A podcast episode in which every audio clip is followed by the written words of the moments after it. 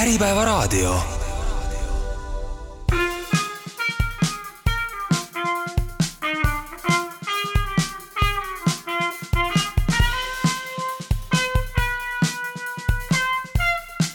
Soraineni sagedus, mitu arvamust, üks eesmärk.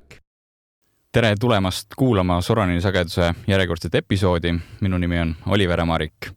ja minul on täna saates külaliseks meie enda äriõiguse ja tööõiguse partner Karin Madisson. tere! ja Jevgeni Lukk, Tieto Eesti personalispetsialist. tere! tänase saate teemaks on ESG teemad, aga ilma E-ta. keskendume peamiselt sellele S-ile ja sellele G-le ja, ja räägime natukene ühiskondlikest või sotsiaalsetest ja, ja ühingu juhtimise eh, teemadest just selle ESG vaatest. võib-olla soojendusküsimuseks eh, küsiksin teilt mõlemat, et eh, kui te, kui te võtaksite kokku, mis asi see ESG selles suhtes on, et kas see on eesmärk või see on tööriist millegi tegemiseks? ma arvan, et need, see on mõlemad tegelikult ja see on selline pigem mõtteviis, millega sa siis lähed edasi oma tööelus ja oma organisatsiooni äh, tegevustes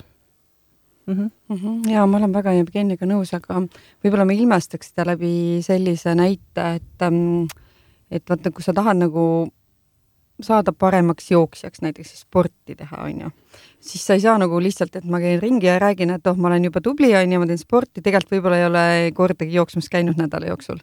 et see, kui sa paned mingid konkreetsed eesmärgid endale ja,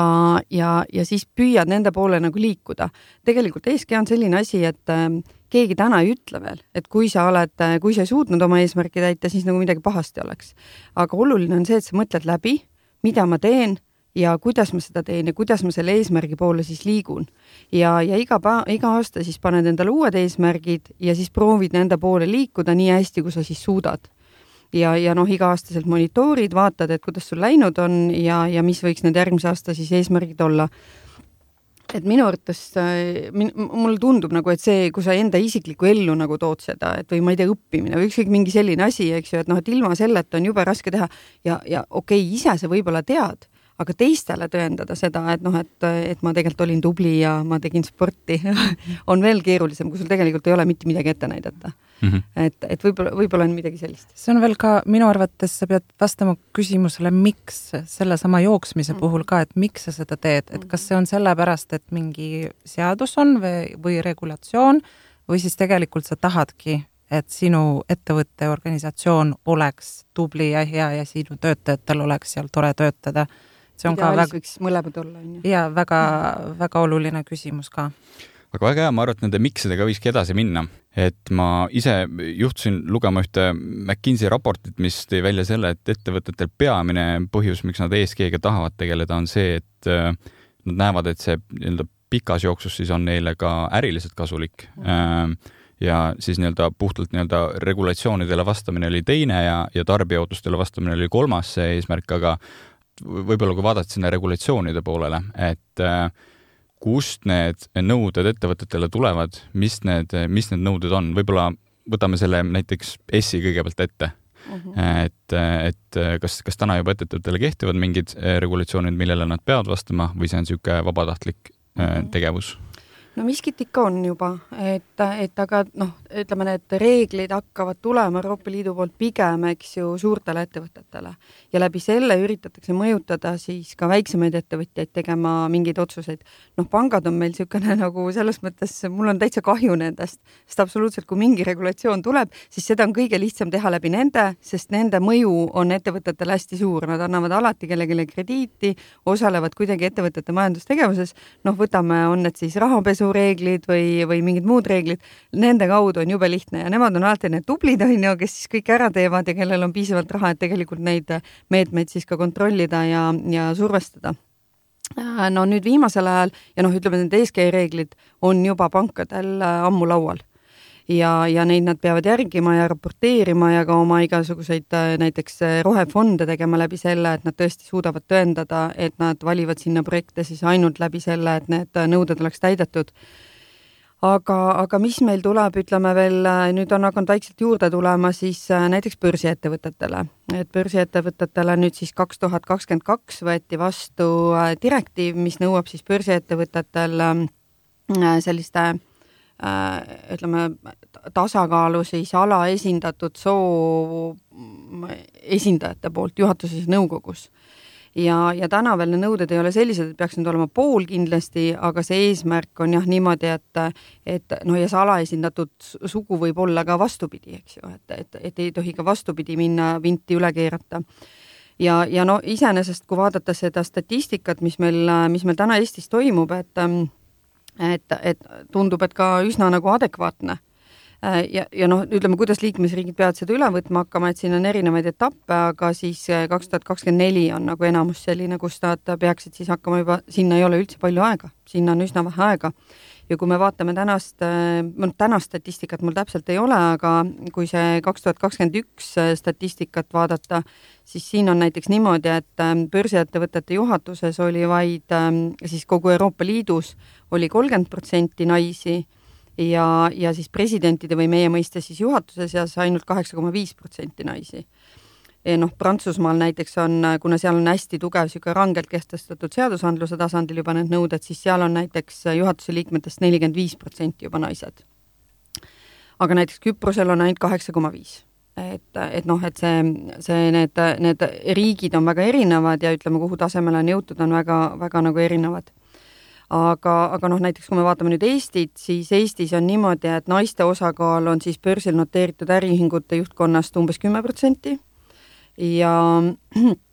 ja, ja noh, kui ma vaatasin seda, et palju neid ettevõtteid nagu on, kellele see direktiiv siis kehtima hakkaks, siis tegelikult neid on, neid on kuskil mingi viisteist firmat umbes ja, ja hetkel vastavad nõuetele ainult kaks nendest. ja noh, on ka näiteks üks selline firma, nimesid nimetamata, kelle juhatuses ega nõukogus pole ühtegi naist et, et noh, ilmselgelt ja vist ainult kaks tükki vastavad täna nõuetele. Et noh, et pikk tee on nagu minna äh,, iseenesest eesmärk nagu õilis, aga noh, kui sa küsisid jah, et mis kuhu me nagu liigume või kust need nagu nõuded siis tulevad. Ja, ja ja siis meil on vilepuhumise direktiiv, et, et, et see on tulemas ja, ja selle koha pealt muidugi Äh, ma ei tea, kas me räägime natukene hiljem sellest, et siis saab Jevgeniaga natuke rääkida, et kuidas see süsteem on, et, et pargime selle kõrvale, aga ülejäänud reeglid peamiselt tulevad täna pigem sealt e-koha pealt, mida me täna rääkida ei tahaks, on ju. aga ma ei tea, kas kõik teavad, mis see ESG tähendab üldse? ma arvan, et me võime selle vabalt lahti dešifreerida, et siis oleks kõigile üheselt arusaadav. igaks juhuks. jaa, palun. jaa, et, et E all mõeldakse siis kõik niisuguseid keskkonnaalaseid äh, teemasid ja reeglistikke ja neid tõesti on tulnud nüüd üsna palju erinevatelt tasanditelt ja näha on, et seal nagu hästi äh, võimsalt siis nagu liigutakse juba ikkagi väga numbriliste eesmärkidega, et et noh, meil on näiteks süsinikdioksiidi heitkoguse vähendamiseks oma reeglistik, on ju, erinevate teiste ressursside haldamiseks, keskkonnariskide hindamiseks ja, ja siin tuleb juba noh, ütleme siis juba reeglid ikkagi nii, et ka lausa suuremad ettevõtted peavad oma majandusaasta aruannetes hakkama äh, Äh, näitama oma eesmärke, ütlema, mis nad teinud on ja seda hakkavad ka audiitorid siis juba auditeerima. et sellele hakkab ka tekkima nagu mingisugune kontroll. aga siis äh, S ja G, äh, S on sotsiaalsed ja, ja siia alla lähevad siis ütleme kõik niisugused tööjõuga seonduvad teemad peamiselt, mitmekesisuse teemad, kaasamise poliitikad, töökius, ahistamine, võrdne kohtlemine, õiglane töökorraldus, noh, kõigi, kõikidel tasanditel, mitte ainult palgavõrdlus, mida on siiamaani võib-olla enam tehtud, aga ka töötingimuste ja, ja muude võimaluste tagamine võrdselt äh, noh, niisugused jah, kaasamise teemad, et tõesti mõeldakse läbi nagu asju ja, ja meil ametiühingute osakaal on Eestis väike ja, ja selle tõttu see ka töötajate kaasamine otsustesse tegelikult on sisuliselt noh, ikkagi üsna, üsna nagu tagasihoidlik ja, ja siis on, siis G-ks võiks nimetada niisugust juhtimisalaseid nagu meetmeid, et kas sul on reeglid paigas, kas sul on kodu korras, et kas sul on noh, ütleme, võtame kõikvõimalikud korruptsioon, korruptsioonivastased eeskirjad äh,, läbipaistvus, aruandluse teemad, eetiline äritegevus äh,, noh, hanked, kuidas sa neid läbi viid, et sul ei oleks seal huvide konflikte ja nii edasi ja nii edasi, et et, et pigem siis nagu need teemad. Ja järjest ütleme, kui ma ja nagu tulime, siis see E on kõige tugevamini reguleeritud täna, S tuleb järgmisena ja G on sisuliselt nagu väga pehme veel täna. Mm. -hmm aga kui niisuguse äh, repliigi korras veel, et kui me räägime, et äh, üldjuhul nad tulevad Euroopast meile direktiivide kujul, see tähendab, et me peame seda siseriiklikusse õigusesse üle võtma, siis äh, noh, näiteks seesama vilepuhumise direktiiv, kas, kas äh, see on tänaseks päevaks teada, mis kujul ta meile üldse tuleb, kas see direktiiv on nii-öelda Eestis seaduse kuju, see seaduseelnõu kujul kuskil olemas, kas sellega saab mhm. tutvuda või, või mhm. mis seis sellega Eestil on, kui, kui, kui tublid me oleme üle võtma neid direktiive mm? -hmm ta, tabasid niisuguse, kuidas öelda, konnasilma pihta et sellega on meil pahasti jah. Ja, ja tõenäosus on see, et äh, selle direktiivi alusel äh, saab ikkagi Eesti riik ka ühe korraliku kopsaka trahvi Äh, kuna see tähtaeg juba, noh, see direktiiv ise jõustus juba kaks tuhat üheksateist aastal lõpus ja ülevõtmise tähtajaks oli tegelikult siis kaks tuhat kakskümmend üks lõpp, et sinna on päris palju juba ministreid vahepeal merre voolanud ja, ja arutelusid on olnud, vahepeal ta on käinud vers-, ühe versioonina äh, juba ka siis laualt läbi ja eelnõuna olnud tegelikult laual aga sellele tuli tohutult palju ähm, siis muudatusettepanekuid ja niisugust vastumeelsust. nüüd praegu siis äh, uuesti justiitsminister üritab seda uuesti ähm, saada siis lauale ja on toimunud päris palju arutelusid, äh, erinevaid huvigruppe on kaasatud ja täna on ta siis niisuguses veidi leebemas versioonis äh, valitsusse läinud et viimane info, mis minul on, on see, et minister praegu ootab, et valitsus selle siis heaks kiidaks sellisel kujul, nagu ta on, ja, ja siis saadetakse ta edasi siis Riigikogusse, aga noh, see ei päästa enam täna tõenäoliselt seda, et Eesti riik selle trahvi saaks. ja, ja noh, nii uskumatu kui see ka ei ole, et me oleme tegelikult äh, üks kahest siis Euroopa Liidu riigist, kes on selle vastu võtmata jätnud siiamaani ja teine on siis Poola selline, selline grupp, kus olla mm. -hmm. Äh, hästi, aga see on, ütleme, riigi tasand on niisugune makrotasand, kui me nüüd läheme sinna mikrotasandile ja võtame ettevõtted ette, siis milline see mm, nii-öelda raamistik siis ettevõtetel on, et äh, kui me räägime, et riigid siin peavad direktiivide alusel omal seadusandlust tegema, siis ettevõtte tasandil, et äh, mis, mis on siis nii-öelda igapäevaelu ettevõttes, et kuidas, kuidas neid äh, Äh, nii-öelda protsessi või mis protsessi üldse nagu ettevõttesiseselt äh, üles ehitama tuleb hakata ja on hakatud? no ma võin Tieto Evri näitel äh, rääkida sellest, et meil selles mõttes meil vedas, kuna me oleme ikkagi osa suurest kontsernist, kus need tegelikult reeglid ja kõik need süsteemid on juba paigas ja nad on päris hästi töötavad ka, et meil on täiesti olemas eraldi vilepuhumise kanal, mis on siis saadaval tegelikult noh, kõik töötajad saavad kasutada seda, aga noh, seal on ka selles mõttes, et whistleblowing rule meil on ka olemas, et ega, ega sa iga oma lahkarvamust ei saa sinna muidugi äh, saata, et äh, see peab olema väga konkreetne juhtum, mis on sinuga juhtunud ja sa pead ikkagi väga konkreetselt ja täpselt rääkima, mis juhtus äh, võimalikult üksikasjalikult ja siis ongi see, et äh, nelja tööpäeva jooksul äh, siis äh, ametnik, kes selle, kes on selle eest vastutav, võtab sinuga ühendust. Ja siis hakkab nii-öelda menetlemine, uurimine pihta, ehk siis mis juhtus, millal juhtus, et kas mõnikord see tulebki välja, et see tegelikult ei olnud selline ahistamise või taoline juhtum, et see tegelikult oligi mingi lahkarvamus, keegi oli vihane kellegi peale ja arvas, et see on nüüd, et teda ahistatakse tööl. aga mõnikord on ka olnud tõsisemaid juhtumeid, mis on noh, aeg-ajalt viinud ka ütleme hüvesti mõnele inimesele, Okay. Äh, muuseas, kuida-, kuidas sellega üldse on, selles, selles mõttes, et kui me räägime, et seda regulatsiooni tuleb nüüd nii palju peale, kas see tähendab ettevõtetele ka seda, et äh, Äh, kogu selle temaatikaga tegelemiseks ongi vaja siis täiendavat ressurssi, täiendavaid inimesi, kes ongi konkreetselt üks inimene või üks osakond tegelebki ainult selle ESG temaatikaga? Äh, selles mõttes, et mitte ain-, osakond on täitsa olemas, seal on mitu inimest, kes tegelevadki ainult selle temaatikaga, sest noh, olles päris suur kontsern, seal ikka üksjagu neid juhtumeid tuleb ette. aga samas sinna kuuluvad ka näiteks äh, üldine HR-juht ehk siis personalijuht ehk siis terve kontserni personalijuht, kes ka osaleb selles äh, menetluses. Ja ka teised finantspoole pealt, et äh, on nii-öelda eraldi meeskond, aga väljaspoolt teistest meeskondadest tulevad ka sinna juurde siis inimesed. Äh, ja vilepuhumisest tegelikult korra veel tagasi sinna minnes, siis Karin, mis see, meil on terve direktiiv nüüd selle vilepuhumise temaatika jaoks, et, äh, et võib-olla sa saad anda niisuguse ülevaate, et mis mis see vilepuhumise direktiiv selles suhtes endast kujutab, mis kohustusi see ettevõttele paneb, et mis süsteemid tuleb üles seada mm? -hmm jaa, et, et eks see, seda nüüd on näha, et mismoodi ta siis Eestis täpselt üle võetakse, aga suurtes piirides äh, noh, ütleme ausalt, mina natukene äh, ei, ei saa nagu aru sellest paanikast, mis Eestis äh, tekkinud on selle viljapuhumise ümber, justkui nagu öeldakse, et noh, see on mingi pealekaebamine ja jõud-, õudselt paha asi, kui me vaatame võib-olla ajalukku tagasi, no kuule, mul on ka üks küsimus sulle. Vaatame, kas sa oskad vastata. Mis sa arvad, millal võeti esimene vilepuhumise seadus vastu ja kus see võis olla? vile, vilepuhumise seadus. Mm, -hmm. ma arvan, et see võib juba väga kaugele minna tagasi. Mm, -hmm. näiteks mõnda ei, ma ei oska pakkuda, ma, ma ei oska, pakun, et mingi tuhat seitsesada näiteks. no väga hästi, tuhat seitsesada seitsekümmend seitse oli ja see oli Ameerikas ja, ja see oli esimene kord, kus tegelikult võeti, nähti selle järgi vajadust ja, ja selliseid isikuid siis nagu kaitsta, kes on mingisuguse rikkumise teavitanud, et nad ei jääks põhimõtteliselt nagu kellegi kättemaksu ohvriks pärast seda, sest, sest noh, suures pildis sellised teavitused on nii ettevõtte kui ühiskonna mõttes ju tervendavad seda ühiskonda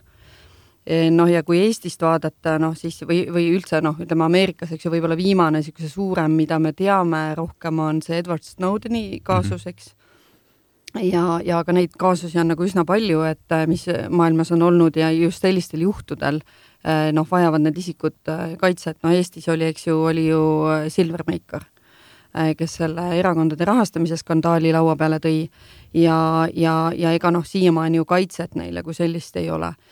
et selle seaduse mõte ongi see, et sa, kui äh, isik näeb sellist rikkumist, siis ta saab teavitada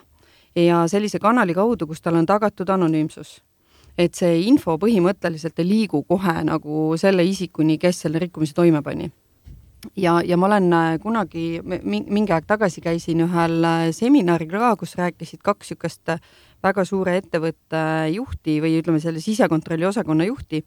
ja nemad, nendel oli täiesti erinev nagu lähenemine asjale, et ühel puhul oli see, et info ja teavitused läksid alati juhtkonnale. Ja siis juhtkond pidi siis otsustama, kuidas nende teemadega tegeleda. teisel puhul oli täielik keeld juhtkonnale midagi teavitada, sest noh, see risk on see, et sul mingisugused rikkumised tegelikult ei jõuagi kunagi sinna, kui, kui on hirm, et need jõuavad juhtkonnani tänane, ütleme niisugune äh, seadusandlus, kuhu ta nüüd liikunud on, on pigem see, et see on üks eraldiseisev ähm, selline osakond äh, või siis isik, kellele see info liigub ja siis see inimene peab tagama selle inimese konfidentsiaalsuse. Ja, ja suuremates ettevõtetes tavaliselt nad ongi niisugused äh, kontsernipõhised, et sul ei ole niimoodi, et üks inimene noh, kuskil noh, mina näen väga suurt riski, Eestis on see arutelu, et kas see peaks asuma nüüd siin Eestis, see kanal, või see võib olla kuidagi kontsernipõhine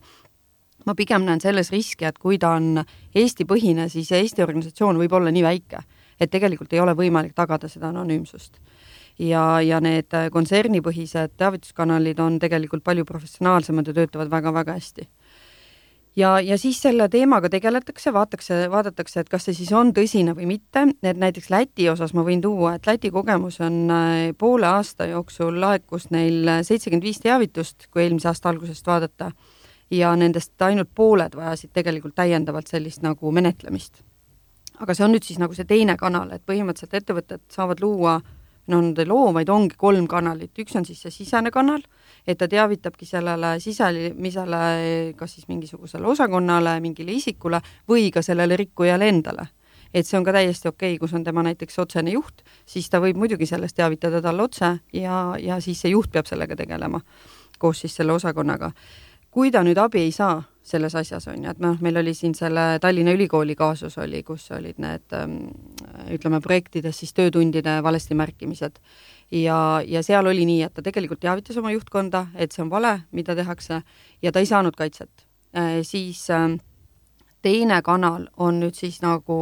riigi poolt loodud kanal et näiteks oletame, et see on mingi keskkonnaalane rikkumine, siis tegelikult kas siis Keskkonnaamet või ministeerium peaks looma siis sellise kanali, kuhu on võimalik teavitada sellel isikul. Ja need on veel siis nagu sellised, ütleme, mitte nii avalikud kanalid. Ja kui siis ikkagi abi ei saada, siis kolmas kanal on see, et siis sa võid minna avalikkusele teavitama ja näiteks ajakirjanikule sellest rääkida. miks need kolm kanalit, on see, et kui nüüd töötaja läheks otse avalikkusse, siis ta tegelikult tekitab ettevõttele nii suurt kahju, et seda ei ole võimalik võib-olla enam noh, kuidagi heastada et pigem selle mõte on ikkagi mõlemat poolt kaitsta, nii seda teavitajat kui ka seda ettevõtet, et see info ei leviks, kui ta ei peaks levima. Aga ma saan aru, et äh, kui rääkida sellest nii-öelda just sellest riigi suunal kanalist, siis see tähendabki tegelikult seda, et riigile tekib ka sealt ikkagi kohustus mingeid uusi niisugust äh, nii-öelda mm, organisatsioonisiseselt nagu mingit äh, struktuuri justkui juurde, juurde luua, et, et sealt tekivad mingid, ma kujutan ette, et mingi haldusmenetluse korras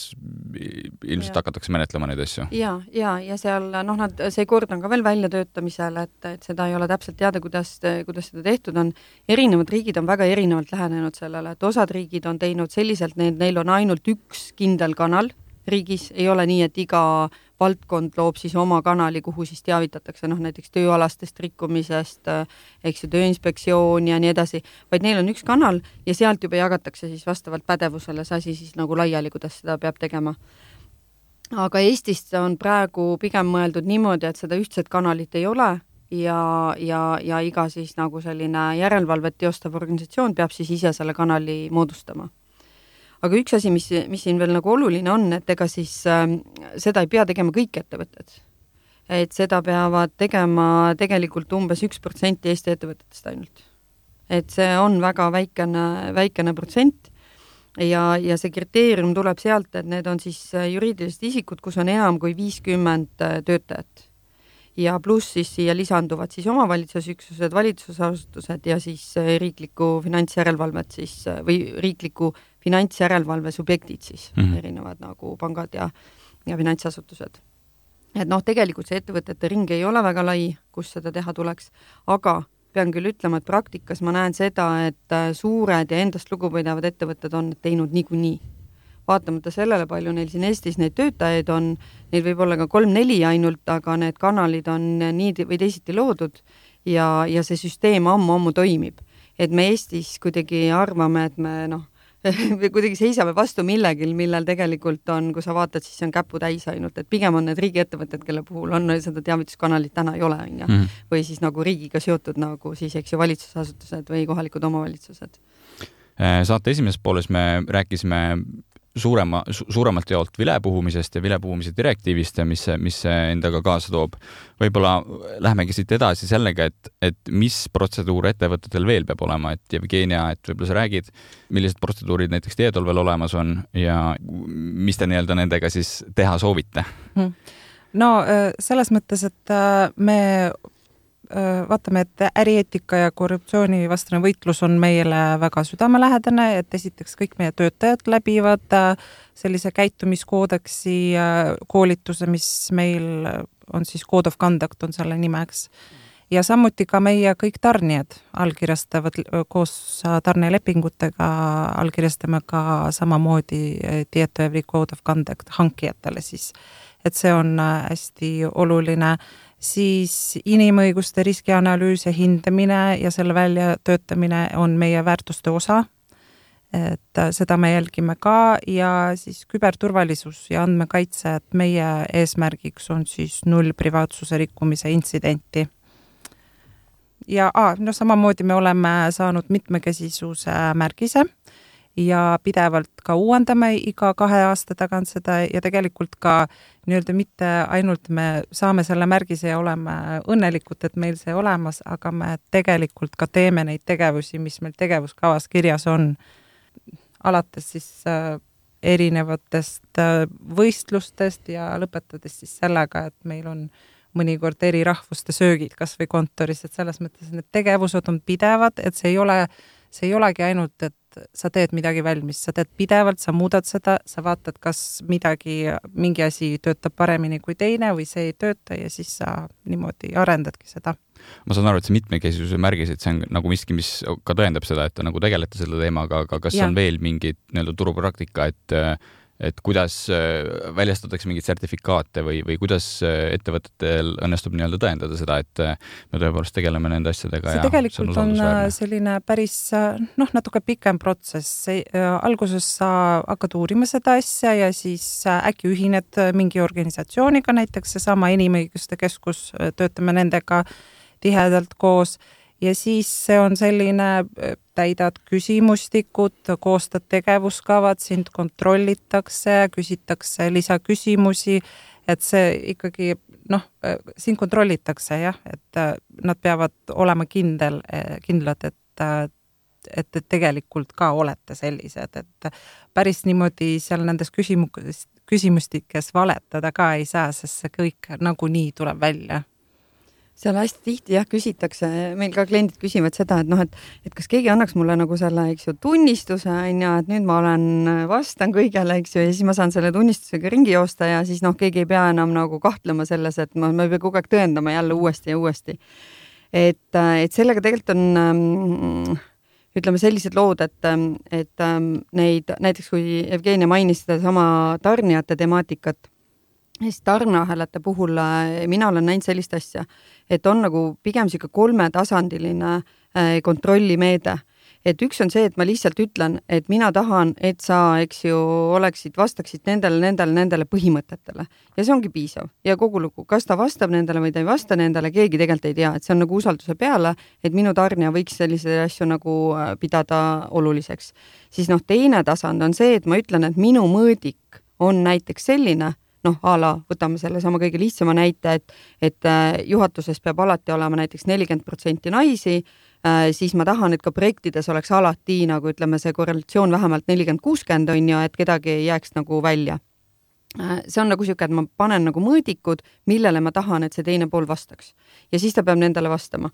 Äh, ja reeglina need on siin needsamad, mida ettevõte iseendale nagu kehtestab. ja kolmas tase on nagu niisugune väga äärmuslik tase, kus minnakse päriselt ka sisse ettevõtetesse ja kontrollitakse, kas sa kasutad lapstööjõudu, eks ju, mismoodi su äh, noh, kas sul on tegelikult normaalsed ruumid, kuidas inimesed töötavad seal, kas sa tegelikult monitoorid oma palkasid selliselt, et sa kedagi ei diskrimineeriks ja nii edasi ja nii edasi. et noh, et on niisugune väga range nagu süsteem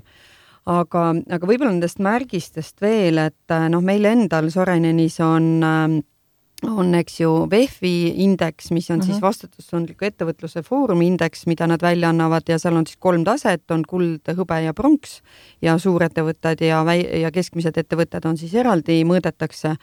ja, ja see on küll selline, et kus seda päriselt auditeeritakse, kõike seda, mida sa seal ütled, kas sul on vastavad poliisid olemas, kas sa kontrollid neid poliisid, kas need poliisid on avalikud äh,, kuidas see nagu tulemuste monitoorimine käib ja nii edasi ja nii edasi. et see on küll üks niisugune asi, et noh, minul endal praktikas ütleme ma, kui ma vaatan siin neid ähm, ütleme ka teenusepakkujaid, kes siin ESG-st räägivad hästi kõva häälega, siis kui sul endal ei ole kodu korras et no kuidas sa saad minna teisi õpetama, et meie Sorenenis võtsime selle vaate, et me teeme kõigepealt ise kõik need protsessid läbi ja teeme oma asjad korda ja siis alles me saame hakata ütlema ka klientidele, et mida nad võiksid teistmoodi teha. Ja, ja aga tegelikult see võib-olla mõnikord nagu tundub ka, noh, tead, näiteks on ka rohekontor, eks ju, meie nüüd selle aasta saime just endale ka rohekontori tiitli, et neid on erinevaid selliseid märgistusi, aga kuna see valdkond on hästi lai, siis nad pigem fokusseerivad nagu erinevatele asjadele, mhm. et võib-olla VEF on ainuke niisugune, mis tõesti võtab kõik, kõik need valdkonnad nagu kokku ja tahab, et sa kõigis oleksid siis nagu tubli mm. -hmm. aga, aga tegelikult sa eelmises saate osas ka mainisid seda, et nii-öelda, et Eesti, Eesti kontekstis see Ehm, regulatsioon üldjuhul hakkab kehtima ühele protsendile ettevõtetele võib-olla, aga sa mainisid ka seda, et suured teevad niikuinii. ma tahtsin sinna juurde tegelikult küsida, et aga kus see tekib, see tõuge nendele ettevõtetele, võib-olla ka nendele, kellele see ei saa kohustuslikuks, et mis see tõuge on, kas, kas see on mingi investorite nii-öelda soov, kas see on klientidele, et mm., et nii-öelda klientidele paremini oma teenust müüa või töötajad või, või mis see peamine tõuge seal mm. sellega tegelemiseks no, on? üks protsent oli nüüd see vilepuhumise temaatika just ainult, eks ju, et muud teemad on kõik hoopis, hoopis midagi muud äh,. noh, Eestis me näeme ennast hästi suurena, tegelikult me oleme ikkagi väga väiksed et, et reeglina need reeglid tulevad ikkagi mujalt korporatsioonidest ja eks nad tulevad tavaliselt kõik läbi valusate õppetundide. Mõni suudab õppida ka teistmoodi, on ju, aga, aga reeglina me õpime ikkagi läbi nende valusate õppetundide. et kui mingi juhtum on olnud, siis hakatakse tekitama reegleid, et tulevikus seda enam ei juhtuks. ja siis hakatakse laiendama neid reegleid kogu korporatsiooni peale, mitte ainult siis ühes konkreetses riigis et ja noh, Jevgenia, kuna te olete üheksakümnes riigis, eks ole, üle kahe tuhande inimese, siis tal on see pilt kindlasti väga nagu näha, et et kuidas see, mis meile siin Eestis tundub normaalne, ei ole absoluutselt normaalne mõnes teises riigis või see, mis on Skandinaavias normaalne, siis see ei ole Eestis jällegi normaalne. et selleks, et see kuidagi see normaalsus tuua nagu rohkem ühele tasandile. et siis selle jaoks neid reegleid ja norme on vaja ja see neid koolitusi ja õppe, õpetusi ja niisugust monitoorimist ja jälle ümbertegemist ja jälle uute reeglite kehtestamist, et, et jõuda tegelikult sinna tasandile, et kõik saavad ühtemoodi aru sellest, millest me räägime. just, ja see on tegelikult sellesama küsimuse, miks teema ka minu meelest, et miks sa seda teed, et samas need väiksemad Eesti ettevõtted, kellel ei ole tegelikult kohustus kas või vilepuhumise kanalit teha, aga kui nad seda teevad, siis see lõppude lõpuks viib selleni, et töötaja tunneb ennast turvaliselt ja võib-olla lõppkokkuvõtteks atraktiivsem tööandja. me ja. ju kõik tahame tegelikult endale häid töötajaid ja kasumit saada. muidugi. et see ja, ongi see ka, kindlasti on üks osa sellest. et sa selle sisse tõid, sest tegelikult äh, põlvkondade, erinevad põlvkonnad on ka, kes väga erinevaid asju hindavad. et me näeme oma nagu selle noorema põlvkonna pealt, kes, äh, kes tulevad äh, tööle, siis nende jaoks on need väga olulised teemad Nad Just. tahavad, et ettevõte nende asjade peale mõtleb ja, ja, ja kui sa nende peale ei mõtle, siis ta valibki teistsuguse organisatsiooni, kus nende teemade peale ei mõelda ja, ja see usaldus just tööandja vastu, et jah, me võime taguda vastu rinda ja öelda, et me oleme jube tublid, aga just nimelt see, et kui sul ei ole tegelikult ette näidata seda, miks, miks sa seda teed, kuhu sa jõuda tahad, on ju, ja, ja ausalt rääkida ka vigadest, et, et meil on vead, on ju, meil on juhtumid olnud, mis on olnud ja kuidas me neid siis, pigem huvitab inimesi see, et kuidas me nendega siis tegeleme, nende vigadega ja, ja kui palju me nendest nagu õpime. Aga võib-olla siin ma veel ütleks äh, sellest, kui sa küsisid, et mis see nagu mõju on, siis äh, noh, mõju ütleme mingi viimase aasta jooksul ma arvan, et on hakanud nagu väga tugevalt sisse tulema. Äh, üks pool on, mis juba tuli natuke varem, oli noh, ütleme majandusliku poole pealt puhtalt, et kas ettevõtted kaotavad midagi. muidugi ta on kulu, äh, mingisugune lisakulu ta on, aga samas jälle, kui palju sa sellest võid nagu võita, meie ise oleme ka näiteks võitnud projekte sellepärast, et meil on olnud diverse, noh nagu äh, Äh, mitmekesisuse. mitmekesine mm -hmm. tiim näiteks pakkuda mm -hmm. projektis, on ju. et me oleme nende asjade peale mõelnud, aga me oleme kaotanud ka ühe projekti selle tõttu, et, et meil ei olnud inimest, kes oli, kes oleks olnud puudega ja teine projekt võitis selle äh, selleks, et neil oli see inimene pakkuda ja ma tean ka ühte näitajat, kus äh, näiteks üks suur projekt jäi Eestisse tulemata Äh, üks arendus ühel ettevõttel, äh, kuna kõik ju konkureerivad erinevad maad ka grupisiseselt, oli just see, et riik ei olnud ette näinud äh, puudega inimeste töölevõtmisele nii häid meetmeid, kui oli selles teises riigis. ja, ja noh, kui me läheme siit veel nagu süvitsi, laenude saamine, finantseeringute saamine, investeeringute saamine on täna väga suuresti, vaadatakse nendesse teemadesse sisse. ei ole enam viimasel ajal nagu ülivähe on LTD-sid, kus su käest küsitakse, jäetakse välja nagu ESG teemad, et ärge neid vaadake, need pole olulised. Need on alati olulised. ja ma leidsin ühe ka mm, KPMG uuringu, äh, mis viidi siis läbi USA turul, äh, mis ütles, et ESG äh, ta ütles sellise, sellise järeldusele jõudsid nad et, et viiskümmend kolm protsenti vastajatest ütles, et olulised ESG läbivaatamise tulemuse puudused viisid tehingu tühistamiseni. ja nelikümmend kaks protsenti ütlesid, et need mõjutasid ostuhinda. et, et noh, see on väga selge mõju, et mõni ja kui ma vaatan ettevõtteid, siis nad tulevad mõnikord niimoodi paanikas on ju, nad on ühel hetkel hakanud aru saama, et oi, nüüd hakkas keegi küsima neid küsimusi on ju, et kuidagi on nagu mingi tuttav lühend tehke midagi, tehke mulle, andke mulle midagi, on ju, et andke mulle mingi pakett asjadest noh, tegelikult sa saadki selle paketi asjadest endale väga lihtsalt tekitada, et, et võtadki needsamad eh, kolm tähte ette ja hakkad sinna alla kirjutama märksõnasid, et mis on minu põhimõtted, mis ma võiksin selles asjas teha, teed ühe töötajate koosoleku, eks ju, paned eh, paika need küsimused, mis meie arvame, et mismoodi meie töö, töötajaskond võiks töötada ja olla ja missuguseid asju me võiksime arvestada, kas me võiksime prügi sorteerida? ei või, okei okay,, otsustame ära ja siis me pärast tegeleme nende tagajärgedega, aga see on teadlik otsus vähemalt. et, et tegelikult see ei ole üldse keeruline, et sellest on noh, tekitatud tohutult suur nagu, nagu niisugune nagu vaht sinna ümber ja ta on keeruline, aga väga spetsiifilistele sektoritele eks ju, finants, pangandus on ju, need suurettevõtted, riigiettevõtted ja nii edasi, neil ta on tõesti väga spetsiifiline, keeruline. teistel ettevõtetel tegelikult ülilihtne, hakake lihtsalt pihta, tulge kas või meie juurde, tulge Jevgenia juurde, Jevgenia ütleb, mida nemad on teinud, tulge meie juurde, me ütleme, mida meie näeme oma klientide pealt. Ja, ja tehke omale see kas või ma ei tea, viiel leheküljel põhimõtted ja, ja iga aasta hakkate seda täiendama ja olete väga kaugele. ja tegelikult, kui ükskord nad paigas on ja sa hakkad selle järgi oma kuidagi seda tööprotsessi kujundama, see ei ole üldse mingi eriline või raske asi, see lihtsalt ja inimeste mõtteviis muutub ka aeg, aeglaselt küll, aga ta muutub ja lõpuks kõik selle ettevõtte töötajad on sinuga kaasas selles protsessis, mis tegelikult äh, lõppkokkuvõttes on igal juhul parem nii sulle kui ettevõtjale kui sinu töötajatele muuseas, üks aspekt, mida me ei ole veel tänases saates üldse puudutanud, on, ähm, me oleme küll rääkinud, et äh, mida tuleks teha või mida võiks teha, aga me ei ole rääkinud sellest, et mis juhtub siis, kui ei tee. Selles suhtes nii-öelda juriidilise poole pealt eelkõige siis. siin, siin on ka võib-olla nii-öelda kahte suunda tahaks kohe küsida, et üks, üks küsimus on see, et nendele, kellele saavad erinevad regulatsioonid kohustuslikuks äh, ja kui seda ei järgita, Äh, mis see, mis see võib kaasa tuua nendele ettevõtetele, kas, kas, kas äh, ütleme, seesama vilepuhumise direktiivist, kas sealt tulevad mingid võimalikud trahvid, kui mhm. neid protsesse või protseduure ei ole paika pandud? Ja, ja samamoodi, et kas see nii-öelda, nii-öelda juhid, ettevõtete juhid peaksid selle peale mõtlema, sest et lõpuks võib ka juhatuse liikme vastutus kaasneda, kui nende teemadega piisavalt ei tegelda. jaa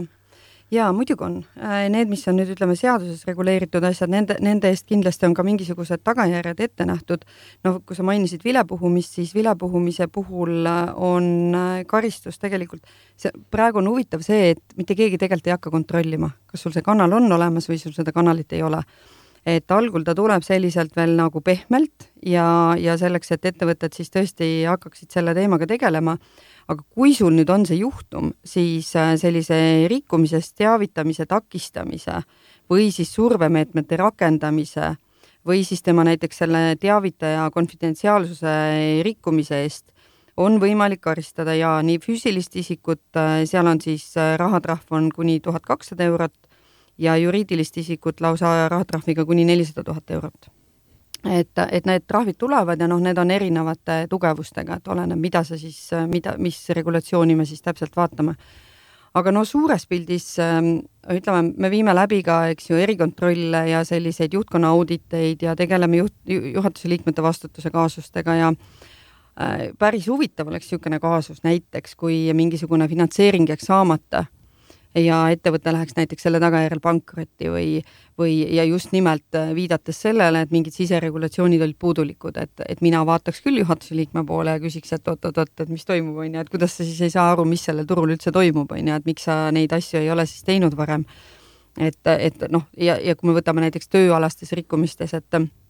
võib-olla siin on äh, lihtne on nagu samastada ennast äh, Äh, töötervishoiu teemadega, et kui me peame nagu tegema tegelikult monitoorima, ütleme seda töötervishoidu pidevalt iga-aastaselt me peame tegema jälle uue kava, vaatama üle, mis juhtumeid on olnud, uuendama siis oma, oma kava, eks ju, et mismoodi me seda töötervishoiu töötervishoidu ettevõttes korraldame, tegelikult on täpselt sama asi ju kõikide valdkondadega. lihtsalt nad tuleb kuidagi paremini struktureerida ja siis hakata läbi mõtlema, et noh, töötervishoius täpselt samamoodi on omad trahvid ja, ja rikkumised ja, ja ütleme, kui ka peaks juhtuma, et kellegiga seal mingi õnnetus juhtub, noh siis need tagajärjed võivad päris nagu kohutavad olla, kuni kriminaalkaristuseni välja juhtkonna liikmele, kes ei ole siis noh, meetmeid tarvitusele võtnud ja, ja piisavalt siis nagu taganud, et midagi ei juhtuks aga ma vaatan kella ja kahjuks on kell jõudnud sinnamaani, et me peame hakkama oma saate, saadet kokku võtma. Äh, võiksime kindlasti siin teise tunniga rääkida, aga, aga kahjuks seda aega meile täna antud ei ole. Äh, aga meil on traditsioon ka oma saates, et me alati anname külalistele saate lõpus niisuguse vabra, vaba mikrofoni selles suhtes, et äh, käia välja üks või paar mõtet, mida kindlasti sellel teemal tasuks kaasa võtta või millele mõelda, et Karin, võib-olla, võib-olla alustad ja ma, ma alustan siis algusest, äh, et sellest, et noh, selleks, et paremini jooksma hakata, sellepärast sa pead panema eesmärgid ja iga päev selle poole püüdlema. ja, ja, ja nii nagu Jevgeni ütles, et tegelikult sa võtad kogu aeg, see muutub järjest lihtsamaks, et miks meie VEF-i liikmeks astusime, oligi tegelikult algselt see põhjus, et noh, kust otsast me alustame, et kus, kus me siis nagu hakkame, aga see oli jube hea, seal oli raamistik ees ja sa tead täpselt, mis on tegelikult need kohad, mida sa võiksid vaatama hakata ja kuhu rohkem panustama et äh, ja, ja rasket ei ole mitte midagi, tegelikult on see väga lihtne ja selleks, et ei satuks siis päeva lõpuks meie juurde, et oleks erikontroll või, või ütleme siis kohtutiimi juurde, on ju, siis tasub käia enne teistest tiimidest läbi ja oma asjad korda teha. just, ja tegelikult mina vaatan neid asju alati niimoodi nagu kindlustust, et äh, ega sa teed seda mitte mõttega, et sul seda vaja läheb, aga kui sul ükskord seda vaja läheb, siis seda läheb kohe kõvasti vaja et selles mõttes tasub küll ära teha ja, või siis hakata vaatama äh, vähemalt neid asju. aga aitäh teile, aitäh Karin, aitäh Jevgeni, et leidsite aega saatesse tulla. Äh, Soraline sagedus on eetris jälle äh, kuu aja pärast ja kuulmiseni